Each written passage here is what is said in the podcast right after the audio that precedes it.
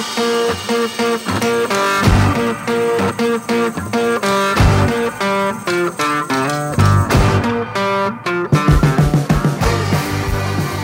hallo, og velkommen til enda en episode av Bakrommet.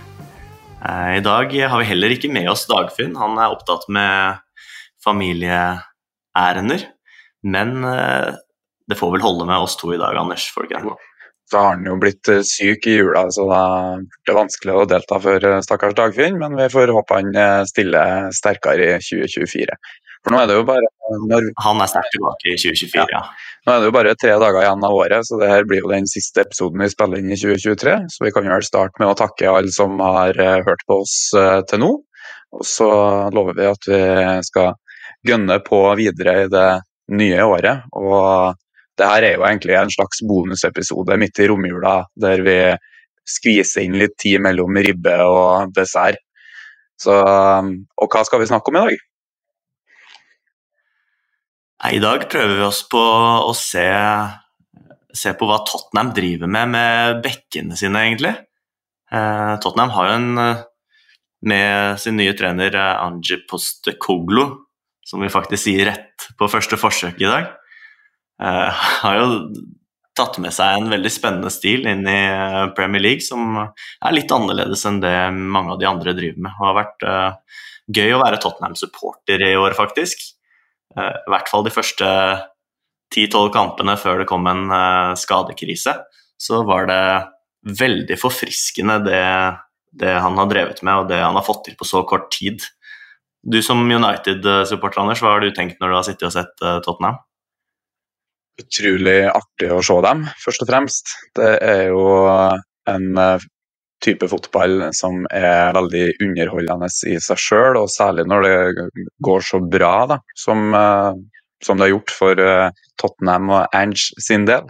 Du kan sikkert legge fra deg den lappen med navnet hans på etter hvert, Marius, så lærer vi oss navnet mens vi går.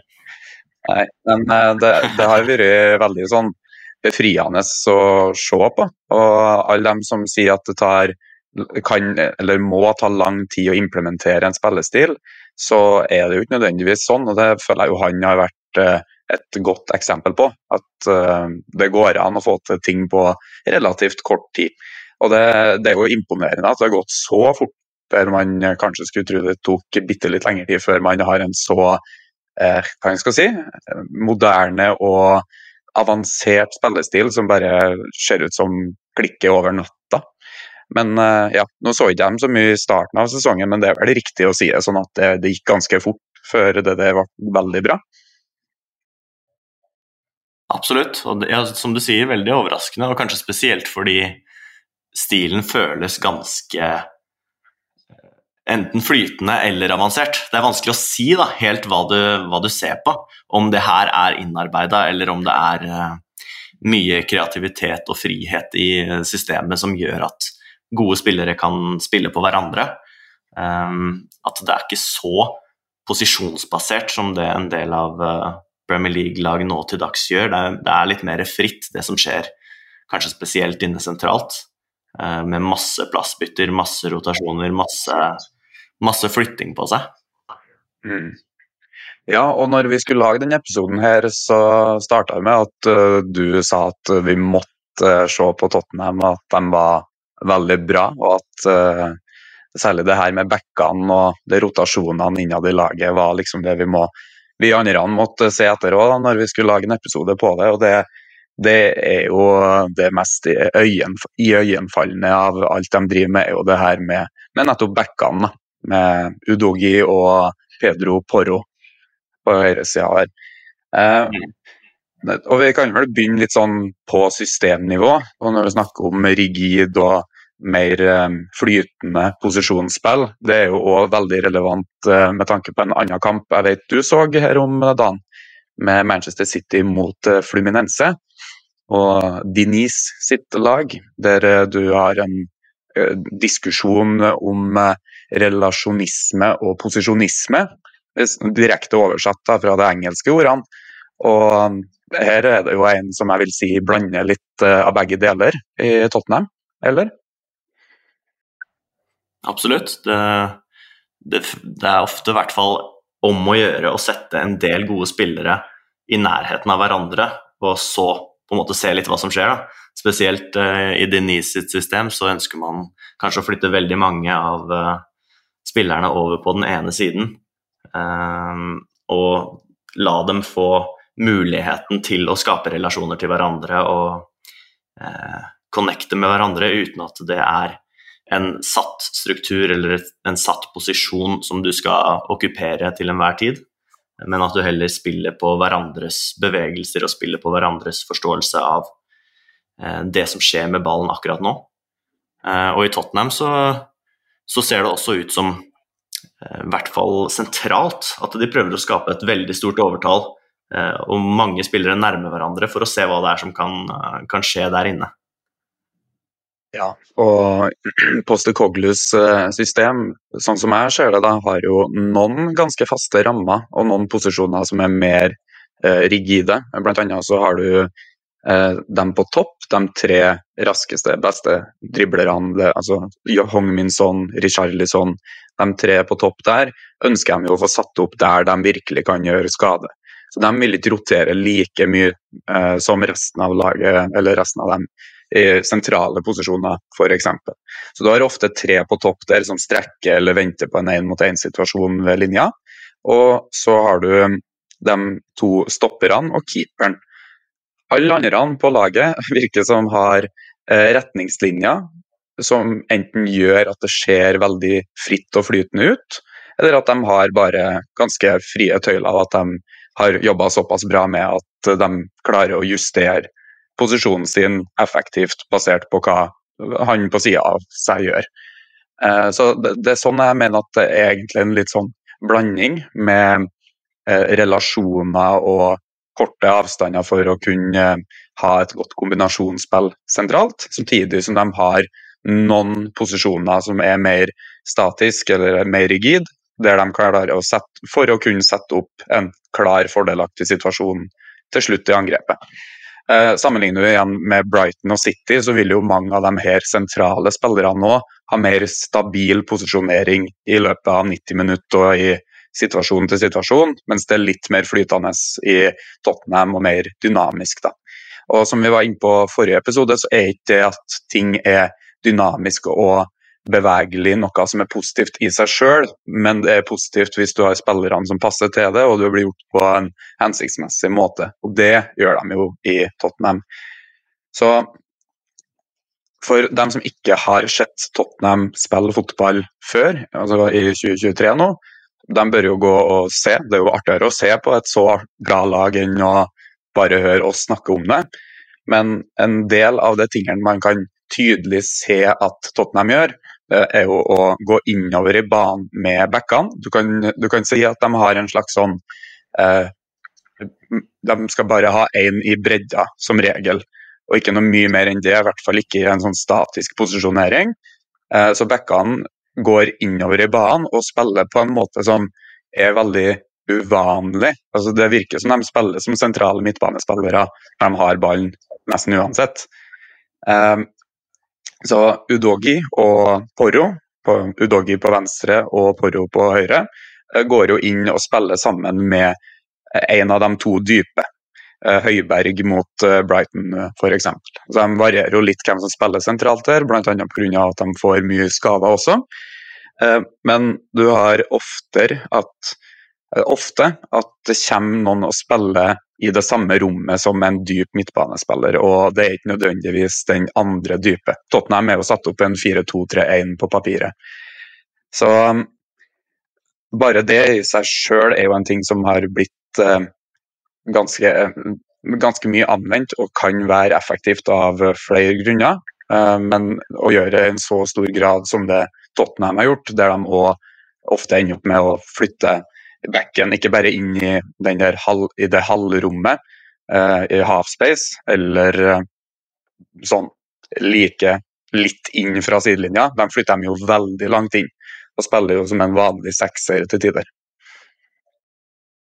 Ja, de kan også operere som indreløpere i store deler av kampen og strekke seg høyere opp i banen uh, og trekke forbi neste neste ledd, til og med.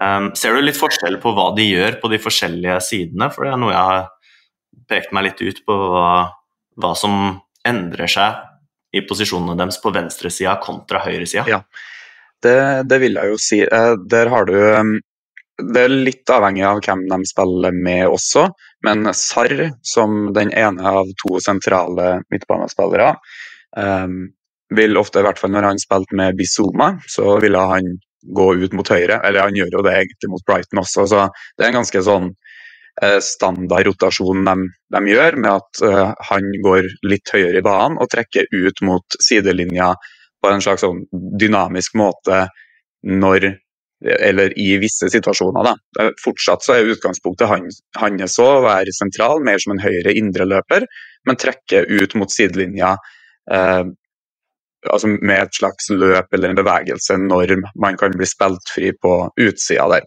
Så for at man ikke skal da ha han Porro i ca. samme posisjon, så spiller oftere han i eh, fremrom enn i mellomrom, og du vil ofte da ha Sarr ett ledd høyere. Der varierer de litt mer på venstresida, der eh, Destiny Udogi, som eh, spiller venstreback, oftere vil komme litt høyere. Og så har du Madison, som er på tier ofte, som vil trekke litt ned i banen og mer mot, mot den sida igjen. Så der, der, varierer det veldig. Det de er veldig flinke på, syns jeg, er å eh, okkupere eller altså, Hvis du snakker om et helt lag, så kan du si at de posisjonerer seg eller okkuperer ulike rom. Og jeg syns jo de er veldig flinke til å posisjonere seg som lag i mellom motstanderne. Eh, eh, hvis du tenker horisontalt i, i, en formasjon. Så mellom to spillere vil du ofte se at de bare de ser dere lukene mellom dem og posisjonerer seg der, som gjør at de enten kan få den sjøl og eh, komme gjennom leddet ved å bare snu, eller at de smaler inn formasjonen så mye at uh, man uh, kan eventuelt spille opp dem bredt i banen, sånn som Hong Min Son, og få én-mot-én-situasjoner der. Så de er, de er, veldig flinke til å posisjonere seg imellom spillerne slik, og så er de jo samtidig opptatt av å ha en, skape en nærhet til ballføreren, så at han hele tida har korte alternativ. Uh, gjerne ett eller to minimum, og sånn at man kan da uh, spille ut situasjonen med kombinasjonsspill for å finne dem som er ledige i mellomrom. Det er ofte da han Udogi og eh, Sarr pluss tieren, kanskje. Eller en spiss. Så, eh, og han Udogi der, han er jo fysisk bra.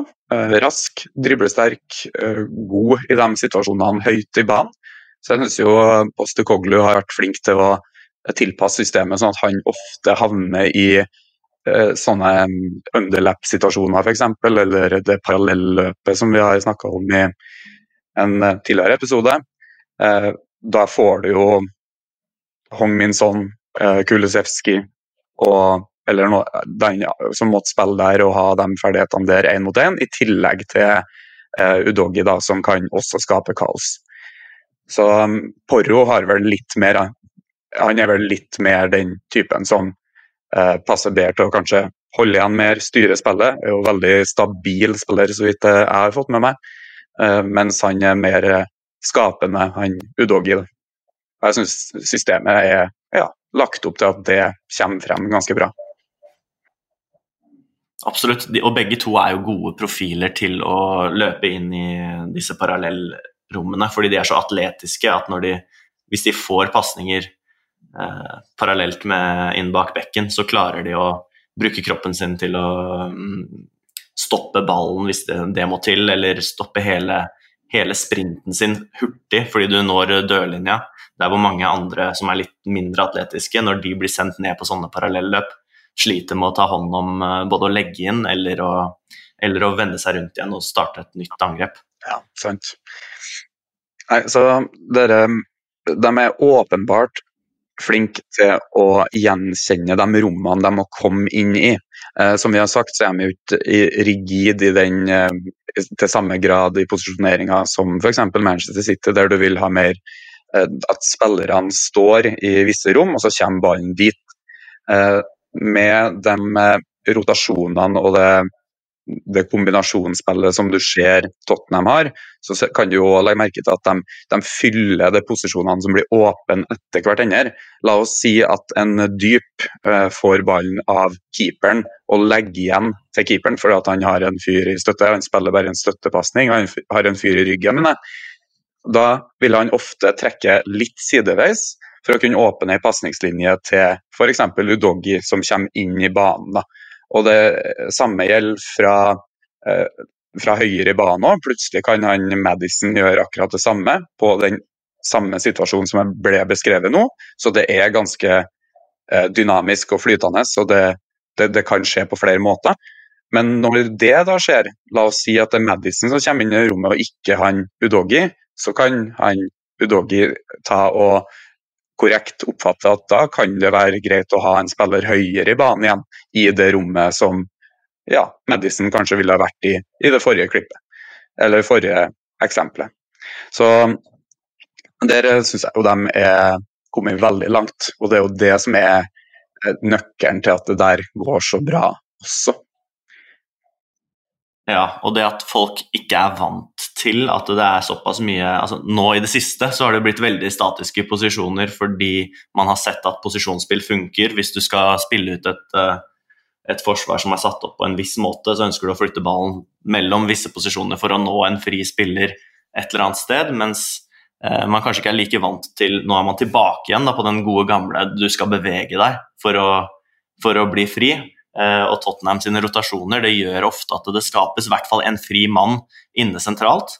Og så er de gode på å rotere på en måte som gjør at den som har fri av dem, er han som man kan møte for å, eh, for å få tak i ballen og kunne vende seg.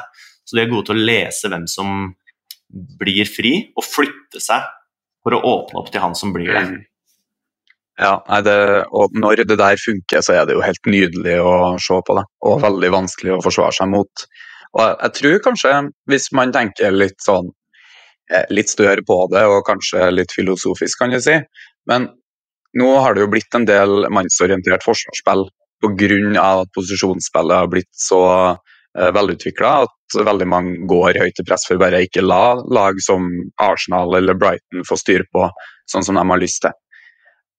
Nå, det vil jo da bety at rotasjoner og plassbytter og alt det der vil jo bli, stå enda høyere i kurs hvis alle får rundt og mannsmarkerer. Så da kan jo hende at Tottenham har en liten fordel på sikt med at de allerede har begynt å, å gjøre en del av det. Så, men ja, dere man, Jeg tenker jo litt på det her med spillerutvikling òg oppi. For hvordan ser den backrollen ut egentlig i, på yngre nivå nå? Og hvordan kommer det til å se ut i toppfotballen med den utviklinga vi har bare sett på et par år her, der backen Becken sin rolle har jo endra seg veldig. Og Tottenham tar det på en måte Det kommer til å bli en mye mer attraktiv posisjon, i hvert fall. Ja, og mye vanskeligere, kan du si òg. Så mm. eller, det er i hvert fall uh, mer avanserte retningslinjer backene til Tottenham har, enn den man hadde kanskje på, på yngre lag i Norge frem til nå. Og så må man eh, kanskje passe seg litt og ta med, hvis man er trener da, og ser oi shit, vi skal ha inn begge bekkene her og bare skape et ekstremt overtall ute, nei, inne sentralt, sånn som Tottenham ofte gjør, så er det også lurt å merke seg at den SAR-bevegelsen, eh, den spilleren som da på en måte kan åpne opp igjen banen. Fordi det du, det du ofte gjør når du setter inn begge bekkene, det er å lukke banen eh, totalt. Fordi du drar ofte med deg motstandere, du sørger for at du smaler dem inn. Um, og hvis du da bare har to stoppere i hele bredden i det første leddet du skal bygge i, så er det ganske vanskelig å komme seg forbi uten å måtte slå eventuelt en lang pasning helt opp på kant på begge sider. Um, og Det funker veldig bra på den ene siden, som jeg skal komme tilbake til litt seinere. Men det funker også bra at de gjenoppretter en bredde med SAR ute på høyresiden. Eh, fordi den rotasjonen, den skaper altså Det er ikke som om det er noe stor forskjell fra om Sar hadde blitt der og Porro hadde blitt i back-posisjonen sin. eh, egentlig. Men den rotasjonen, at du flytter Porro, drar med deg en spiller inn, og så trekker du Sar på utsida, som da i så fall må dra med seg en midtbanespiller bredt igjen, noe de ofte kanskje ikke er villige til å gjøre, eller i hvert fall de venter til de må. Uh, og dermed åpner den pasningen seg ut til det som er en i hvert fall halvfri spiller da, på den siden der. Uh, og den, den rotasjonen og alle de rotasjonene med back- og midtbanespillere tror jeg er det som har forvirra mye av Premier League-forsvarene som Tottenham har møtt frem til de nå møtte Brighton, som tydeligvis har sett nok kamper til å skjønne hva eh, Postekoglu driver med. Fordi de klarte virkelig å ta ut Tottenham på en, eh, en effektiv måte med hvordan de satte opp laget sitt. Ja, men det er, et, um, det er jo et litt sånn artig tankeeksperiment å se på hva er fordelene ved å spille på den måten Tottenham gjør, og hva er det som er utfordrende og vanskelig, bl.a. med den der bevegelsen fra Sarr og Kulusevski når han spiller gjør det samme på venstre sida, med at du, eh, du, beveger deg altså Du kan si at laget beveger seg tidlig inn i banen, altså de går tidlig inn med backene og skaper et sentralt overtall. Og går bredt seint i angrepet, eller seinere. I stedet for at de står bredt og går inn, så er de allerede inn og går ut på en mer dynamisk måte enn om man bare har en back som ligger bredt der. Fordelen med at du starter bredt, la oss si at Sarra starta ute bredt, eller at Porro har fått ballen bredt fra før av, er jo at du er orientert inn mot mål og inn mot banen og har kanskje bedre oversikt enn hvis du eh, bommer på den eh, timinga på den pasningen og vinkelen på den pasningen hvis Sarr trekker seg utover banen. Så plutselig ser du bare mot eh, sidelinja, egentlig. Eh, så der er jo noe hvis, eh, hvis du da mottar den og allerede er bredt, så kan du si at det er en fordel. Men det er mye enklere å forsvare seg mot eh, når den Altså når forsvarsspillerne, de motstanderne, ser at spilleren står utafor strukturen, så er det jo mye enklere å forholde seg til enn om det er en dynamisk bevegelse utover som både times rett og, um, og som skjer på et tidspunkt som ikke gjør at man klarer å ta ut både han som legger pasningen og han som går på løpet. Så, så lenge timinga der lykkes, så er det jo uh, mye vanskeligere å forsvare seg mot, men det er jo òg litt vanskeligere å lykkes med. Og jeg mener jo òg en må være litt obs på det her med at den måten de kommer inn med backene på, og måten de eh, skaper det overtallet sentralt, og måten de spiller gjennom press sentralt, det er jo strategien til Tottenham. Først spille gjennom presset sentralt med kombinasjonsspill, og så går vi bredt. Med mindre man blir mannsmarkert og man kan bare finne dem tidlig med en gang. Men de spiller gjennom presset, det forutsetter at du har spillere som får til det, og det er jo ikke alle eh, backene i verden som klarer det her heller. Vi husker jo når eh, Guardiola tok over City og måtte selge jeg tror, fire backer eller noe sånt i løpet av første sesongen. Du hadde Sanja, Klisjy, ganske mange som ikke klarte arbeidskravene til en sånn her moderne backrolle som en inverted fullback. Men og, den, de arbeidskravene som Tottenham-backene får, er jo egentlig enda mer avansert. Så um, det, det forutsetter jo at du, du, klarer å kombinere deg gjennom å ha spillere som eh, mestrer den situasjonen også. Det er jo ikke bare å sette folk inn der og så tro det vil se helt likt ut. Så Det er jo det som er imponerende, at de klarer å spille så bra på den måten her. Og så Eh, profilene, ja. Profilene passer jo veldig bra. Samtidig profilen til uh, Hyung Min Son på venstresiden. Um, på høyre så, så, roterer jo Sarr oftere ut enn det roteres noen ut på venstre. og Det er jo fordi uh, der har du en enkel pasning som regel fra heldigvis da en venstrefota stopper, enten Ben Davies eller når han spilte Mickey van de Ven, som kan klinke en ball rett ut eller opp mot sånn, uh, som kan få den på siden, men forbi noen ledd. Og det, eh, jo mer jeg ser på Tottenham, jo mer virker det som en bevisst strategi, en del av eh, de tingene som skjer etter at pasningen har gått fra stopper til kant. For det er fort gjort. Det det er veldig mange lag som også bruker den strategien her. Jeg trekker bekken min inn for å sørge for at motstanderens kant smaler inn, sånn at stopperen min kan spille direkte opp eh, på kant. Eh, men så er det mange som ikke har en plan for hva som skjer rett etter den pasningen har gått. For det som kan være utfordrende når du setter opp en sånn her struktur, du setter smal bekk og så en kant du skal spille direkte til fra stopper. Eh, Utfordringa er at motstanderens bekk ofte er god på å følge deg eh, i den møtebevegelsen du har som kant. Så du får ikke en én-mot-én-situasjon hvor du får tatt med deg ballen eh, fritt og satt fart mot bekken, fordi du får ofte press såpass tidlig og hurtig at du ikke får mottatt ballen kontrollert. Det kan være utfordringer med den pasningen der. Um, men det Tottenham da gjør, det er at de har så mange spillere da i mellomrom som er klare for å utnytte uh, den neste vinkelen som skapes.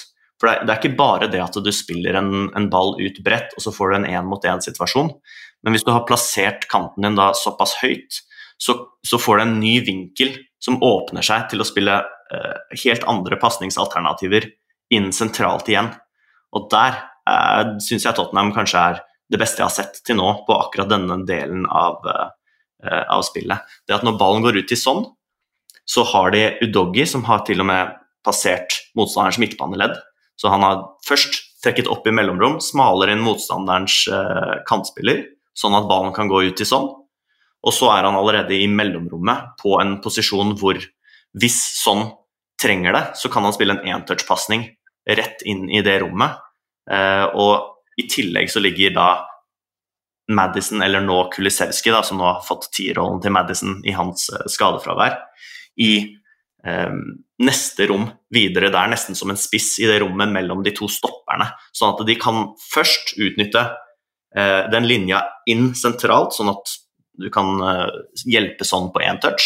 Eventuelt så kan du doggy løpe på korridorløpet inn bak bekken. Eh, eventuelt så har du da Kulusevski eller Udogi, de kan være i forskjellige posisjoner, som da tar det løpet enda et hakk videre inn sentralt i banen, som det også er mulig for sånn med sin høyre fot eh, å finne enten på én eller to touch. Og der skaper de mange mange angrep på de kombinasjonene som skjer inni de rommene der, etter at de har gått bredt og inn igjen. Ja minner meg jo òg litt om um, et sånn typisk uh, kontetrekk, når du da spiller wingback med høyrebein på venstresida f.eks. Uh, og bare hamrer ballen inn sentralt i banen imot skyvinga til motstanderen når den kommer ut. Mot momentum. Men, uh, ja, jeg synes jo det her De klarer jo også å følge opp sånne pasninger, lengre pasninger både bredt og sentralt når de trer den opp gjennom ett og to ledd. Eh, med å komme i understøtte og vise seg for gjenlegg og tredjemannspasninger. Eh, så der er de jo gode, bra timing, og de er jo posisjonert som vi har vært inne på, veldig godt i henhold til hverandre. Og følger opp med gode bevegelser også på pasninger som ikke er til dem sjøl. Så det, det, hjelper jo, det hjelper jo dem veldig. Og så har de en eh, Bare for å da igjen komme tilbake til hvor kompleks den backrollen er. La oss si de spiller opp på sånn, og man får understøtte fra både back og kanskje sentral på ballside. La oss si det han Izoma som kommer i understøtte, for det kan skje. Eh, så vil Porro i de settingene der, som er i fremrom litt mot høyresida, fylle plassen til Bizoma hvis Bizoma kommer for å hjelpe på den sida av ballen, altså mot venstresida her. Uh, og samme med Høiberg eller hvem det nå måtte være. Så at da får du et slags sånn heatmap til han der Pedro Porro og Udogi, som blir ganske, eh, ganske stort, i og med at de fyller posisjonen til uh, sekseren hvis han går for mye mot ei side eller tilter mot ei side, og fyller mellomrom hvis det er åpent. Så jeg tipper Poster Koglu og hans team har et har ganske gode retningslinjer for hvilke posisjoner de vil ha fylt opp, og i hvilke situasjoner de vil f.eks. at eh, de skal eh, komme inn i et rom med en rotasjon, eller når de vil at en spiller skal møte for å eh, bare tilby en enkel pasning, en slags sånn presspasning som jeg er vant med å kalle det, egentlig. Bare for å, ja, eller for å bare sirkulere den videre. Og så er det jo så klart det systemet her når du trekker inn og opp ofte, to bekker, så er det ikke bare rosenrødt uh, defensivt, så klart. Det er, uh, det er ikke kjent for å, for å, være et veldig defensivt system, og jeg tror ikke Anje Postekoglu har like stort fokus på gjenvinnings... Eller på sitt, uh, sitt kontraforsvar, da. Og ha den strukturen, den defensive strukturen klar mens du angriper han er nok en ganske mye mer offensiv uh, trener enn det, og tar mye mer risikoer i sine posisjoner enn det f.eks. Eh, Pep og Arteta driver med. Og med to backer, som begge to går inn sentralt, uh, så står du ofte med to stykker igjen i bakre ledd. Når det kommer noen stygge brudd, det er klart det skjer. Hvis du prøver som stopper å slå den ballen ut til kant, så kan den bli brutt av motstanderens kantspiller på veien. Og de tilfellene så må, så må um, stopperne dekke hele banebredden. Eh, og det som gjorde at Tottenham, tror jeg, da, klarte dette her uten de altfor store problemene i de første ti kampene, det er jo at de hadde både Christian Romero og Mikki van de Ven, som er to ekstremt atletiske, hurtige, aggressive uh, spillere som klarer å dekke banebredden, som, klarer, som like gjerne kunne spilt back som å spille stopper fordi de er så atletiske i, i stilen sin. Mens med begge to ute med skader, så viser det seg veldig da, at det, det skorter på, på, det defensive i både omstillinger og etablerte angrep. Ja, og vi kan jo ta i sammenligning til United, som da har mer flyt fra stopperposisjon, egentlig, i og med at man har eh, De kjører La Salida La Volpiana, eller Volpiana, så, eller La Volpe, på, bare kort og enkelt. Med å trekke ned en eh, dyp mellom stopperne. Eh, og Dette skjedde jo i kampen mot Westham i romjula, og ble omtalt i episoden vår med det med at man da ender opp med en dyp i det sentrale rommet i kontraforsvaret sitt. Som kan, altså, de dype er ikke like godt skikka til å forsvare et bakromsløp som det en stopper ofte er. Så Tottenham, selv om de har da eh, en veldig offensiv stil, dem også, så har de stopperne på rett plass oftere enn det United har. Stopperne har likevel et ansvar for å bygge angrepet, men ikke ved å drible frem eller eh, slik. Det er mer det med å eh, trekke på seg press og så kombinere. Og En av fordelene der er jo da at du har stopperne eh, til å forsvare eventuelt brudd. Og De er ganske nært hverandre, og de forsvarer veien til mål, i hvert fall. Men de dekker ikke hele banebredden. og eh, Som du sier, er jo helt enig i det at man, han er jo en offensiv trener. Jeg vil, jeg vil, for øvrig anbefale folk å eh, høre på podkaster og sånt med han Poste Koglu, for det der er litt av en kar virker som en utrolig bra person og en fin, eh, fin fyr. Jeg tror han kunne, eh, jeg kunne godt hatt han som eh, ja, både arbeidsgiver og kamerat og hele pakka, uansett om det har vært fotball eller noe annet. For det virker som en utrolig bra type. Jeg hørte noen podkaster og sånt med han og ble imponert av mer enn bare det fotballmessige, for å si det sånn. Og Det hører man jo også i intervjuene han gir, da, at han er en reflektert og respektabel herremann. Mm. Helt klart. Ja. Du, siden det snart er nyttår, ja, skal, vi begynne å, skal vi begynne å runde av, eller å eh, lage en eh, kort episode her? Jeg tenker at vi egentlig kan det. det eh, vi kan jo kanskje gå litt inn på Brighton-kampen, og hva, hva, de gjorde for å for å løse det Tottenham eh, gjør, som kanskje kan gi en idé på hva eh, fremtidige motstandere kommer til å gjøre. For det, av, det, av, det, jeg så da, fra Brighton, så virker det som om de hadde en veldig god plan for hvilke spillere som skulle markere hvem i sitt system. Så det som De har jo et veldig markeringsbasert forsvar, det Brighton-laget.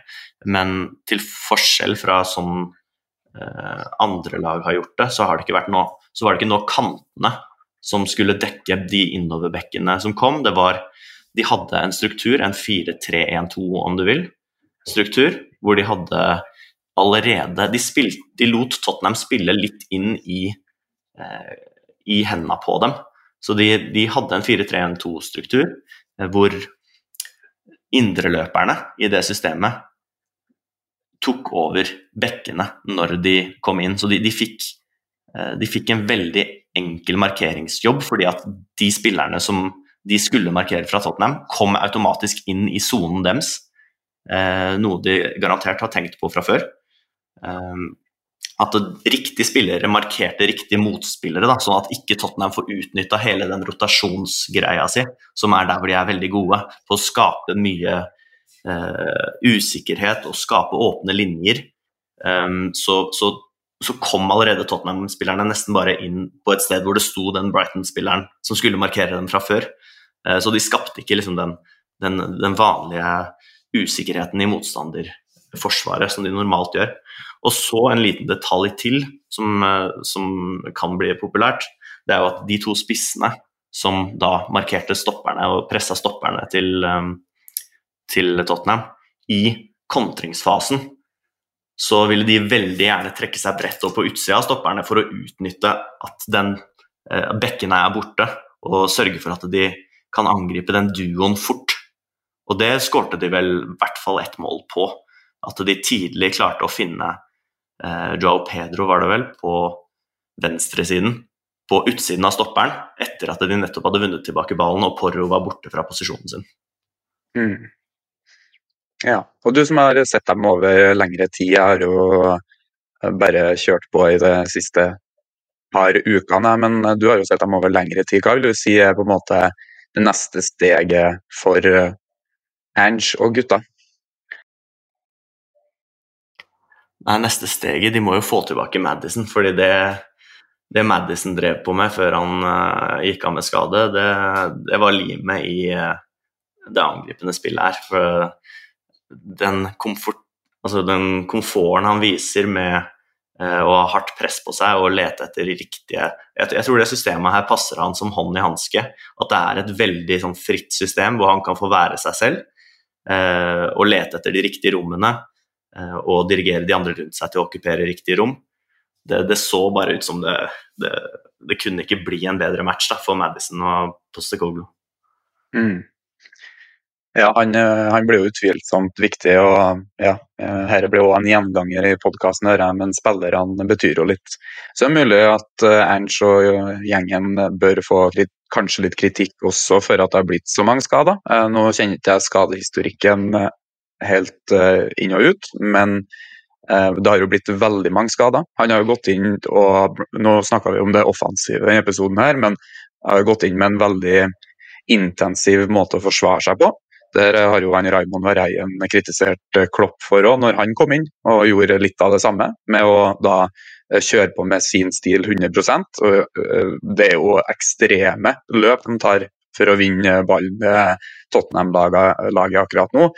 Og det løpstallene de har med antall meter i sprint og alt det der, det tror jeg er ganske, ja, ganske spesielle tall. altså. Um, og det har jo blitt en del skader. Blant annet var det vel en strekk på Romero, mener jeg. Og um, det er jo ikke bare tilfeldig at uh, sånne ting skjer nødvendigvis, og det er jo mulig en ting de må uh, se på. For uh, uansett hvor, hvor bra startelveren og hvor bra laget fungerte, så hjelper ikke det hvis alle faller av med skader etter hvert der. Men det, det er jo selvsagt helt åpenbart. Jeg uh, syns òg de har blitt bedre på å spille ut fra femmetere og mot høyt press. Jeg uh, vet ikke om det er noe de har uh, slitt med hele sesongen, i og med at jeg ikke har sett hele sesongen. Men de siste par ukene så syns jeg det har vært fremgang egentlig fra kamp til kamp og en del gode situasjoner mot Brighton i går også. Det som er litt spesielt der, er jo at de trekker jo veldig mange spillere inn sentralt der også, og bruker veldig lite av eh, banebredden da òg. Så det er jo ja, det tror jeg noe flere lag eh, kanskje kan lære litt av. Vende opp med å få spillere i veldig gode situasjoner når de lykkes. Og eh, at de hele tida da er på posisjoner som er nærmere målet enn hvis du hele tida skal ut mot krittet for å få tak i ballen. Absolutt, samtidig så, men samtidig så er de veldig flinke på å utnytte én mot én, to mot to, tre mot tre-situasjoner. For det, det, må det også være hvis du skal være et sånt litt mer fritt eh, flytende lag i posisjonene dine. Eh, men det er de også. Kulusevski er god på å eh, flikke den videre, stikke forbi selv. Gjøre sånne ting som gjør at det er vanskelig å presse deg hardt. Da. fordi at hvis du går hardt, så vet du at da smetter den bak ryggen på deg etter en touch. Og der er de, der er de sterke. Men jeg tenker vi kan egentlig runde av. Jeg prøver å holde oss på 40 minutterstallet her, så, så, kan vi jo ønske de som hører på, en fortsatt god romjul og et godt nytt år. Det, det, blir jo preseason, og det er jo alle treneres drøm. En tre måneders periode hvor du bare kan jobbe med egne prinsipper og egne, egen læring på si. Og, ja, det, det nå går vi inn i en periode som jeg alltid gleder meg til. Et av våre nyttårsforsett må jo være 52 episoder minimum i året som kommer. Én per uke og snittet på det, i hvert fall. Og at vi skal få til å levere på et enda høyere nivå i, i det som kommer. Vi må, jo takke for uh, laget så langt, og hvis det er innspill til hva folk vil høre om, og, så, er, så er vi åpne. Den innboksen vår er ikke full ennå, for å si det sånn. Så det er bare å komme med Kom med innspill og tips hvis det er noe man vil høre på. Det var jo åpenbart at det var en del som ville høre om Alfred Johansson, bl.a. Ja, det er gøy at det er såpass mange nerder der ute da, som interesserer seg for hva vi, vi har å prate om uh, fotballmessig. At vi faktisk endte opp på sjetteplass på Spotify sin toppliste for uh, norske podkaster en liten stund der. Så det, det var jo veldig overraskende. Men, men gøy så lenge det varte. Mm. vi tar med oss den. Ja. Skal vi, skal vi si det sånn? Det er vel egentlig ikke noe mer å gjøre enn å ønske takk for laget, er det ikke det? For laget, takk for i dag, og godt nyttår.